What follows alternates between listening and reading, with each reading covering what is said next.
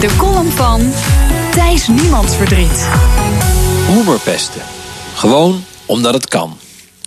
Tussen alle dramatiek en onverwachte plotwendingen van de kabinetsformatie speelt zich stilletjes een ander klein drama af. Dat van Emiel Roemer.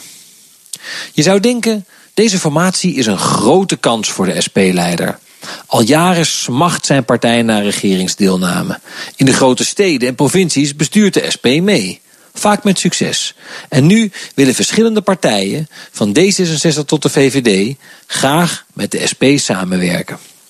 Maar Roemer zegt nee. De SP wil niet in één coalitie met de VVD, want die partij is fout en rechts en neoliberaal. Nu de VVD veruit de grootste is geworden bij de verkiezingen, staat de SP dus buitenspel. Misschien dat Roemer meteen na 15 maart zijn VVD-ban nog had kunnen herroepen, maar inmiddels kan hij niet meer terug. Roemer zegt: Als linkse partij gaan wij de grootste rechtse partij niet aan een meerderheid helpen. Je kunt ook zeggen: die grootste rechtse partij heeft ons zo hard nodig dat we fantastische dingen voor onze kiezers kunnen binnenslepen. Ik vrees dat Emiel Roemer het probleem is van de SP. Hij is een heel sympathieke vent. Hij flikt anderen geen kunstjes. Hij is als een van de weinige politici in Den Haag in staat tot zelfspot. Er is alleen één probleem. Telkens weer legt hij het af tegen de andere politieke leiders. In bijna ieder debat staat Roemer te schutteren.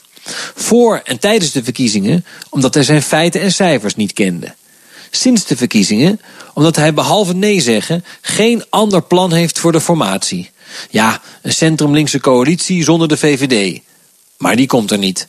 De beoogd premier van die coalitie, Sibrand Buma van het CDA, omschreef die variant deze week nog eens fijntjes als Buma en de zeven dwergen. Het probleem van de SP is voorlopig niet opgelost.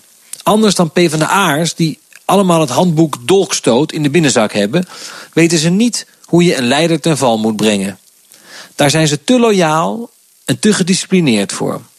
Menselijk gezien siert het ze, maar politiek gezien is het verdraaid onhandig. Een Haagse spindokter vertrouwde mij ooit toe: in ieder debat pakken we Roemer wel eens een keertje. Omdat het moet, vroeg ik. Nee, was zijn antwoord. Gewoon omdat het kan. Je zou Emiel Roemer oprecht iets beters toewensen. En dat zei NRC-redacteur Thijs Niemands verdriet in zijn column. En die kunt u altijd op donderdag luisteren en terugluisteren op bnr.nl en de BNR.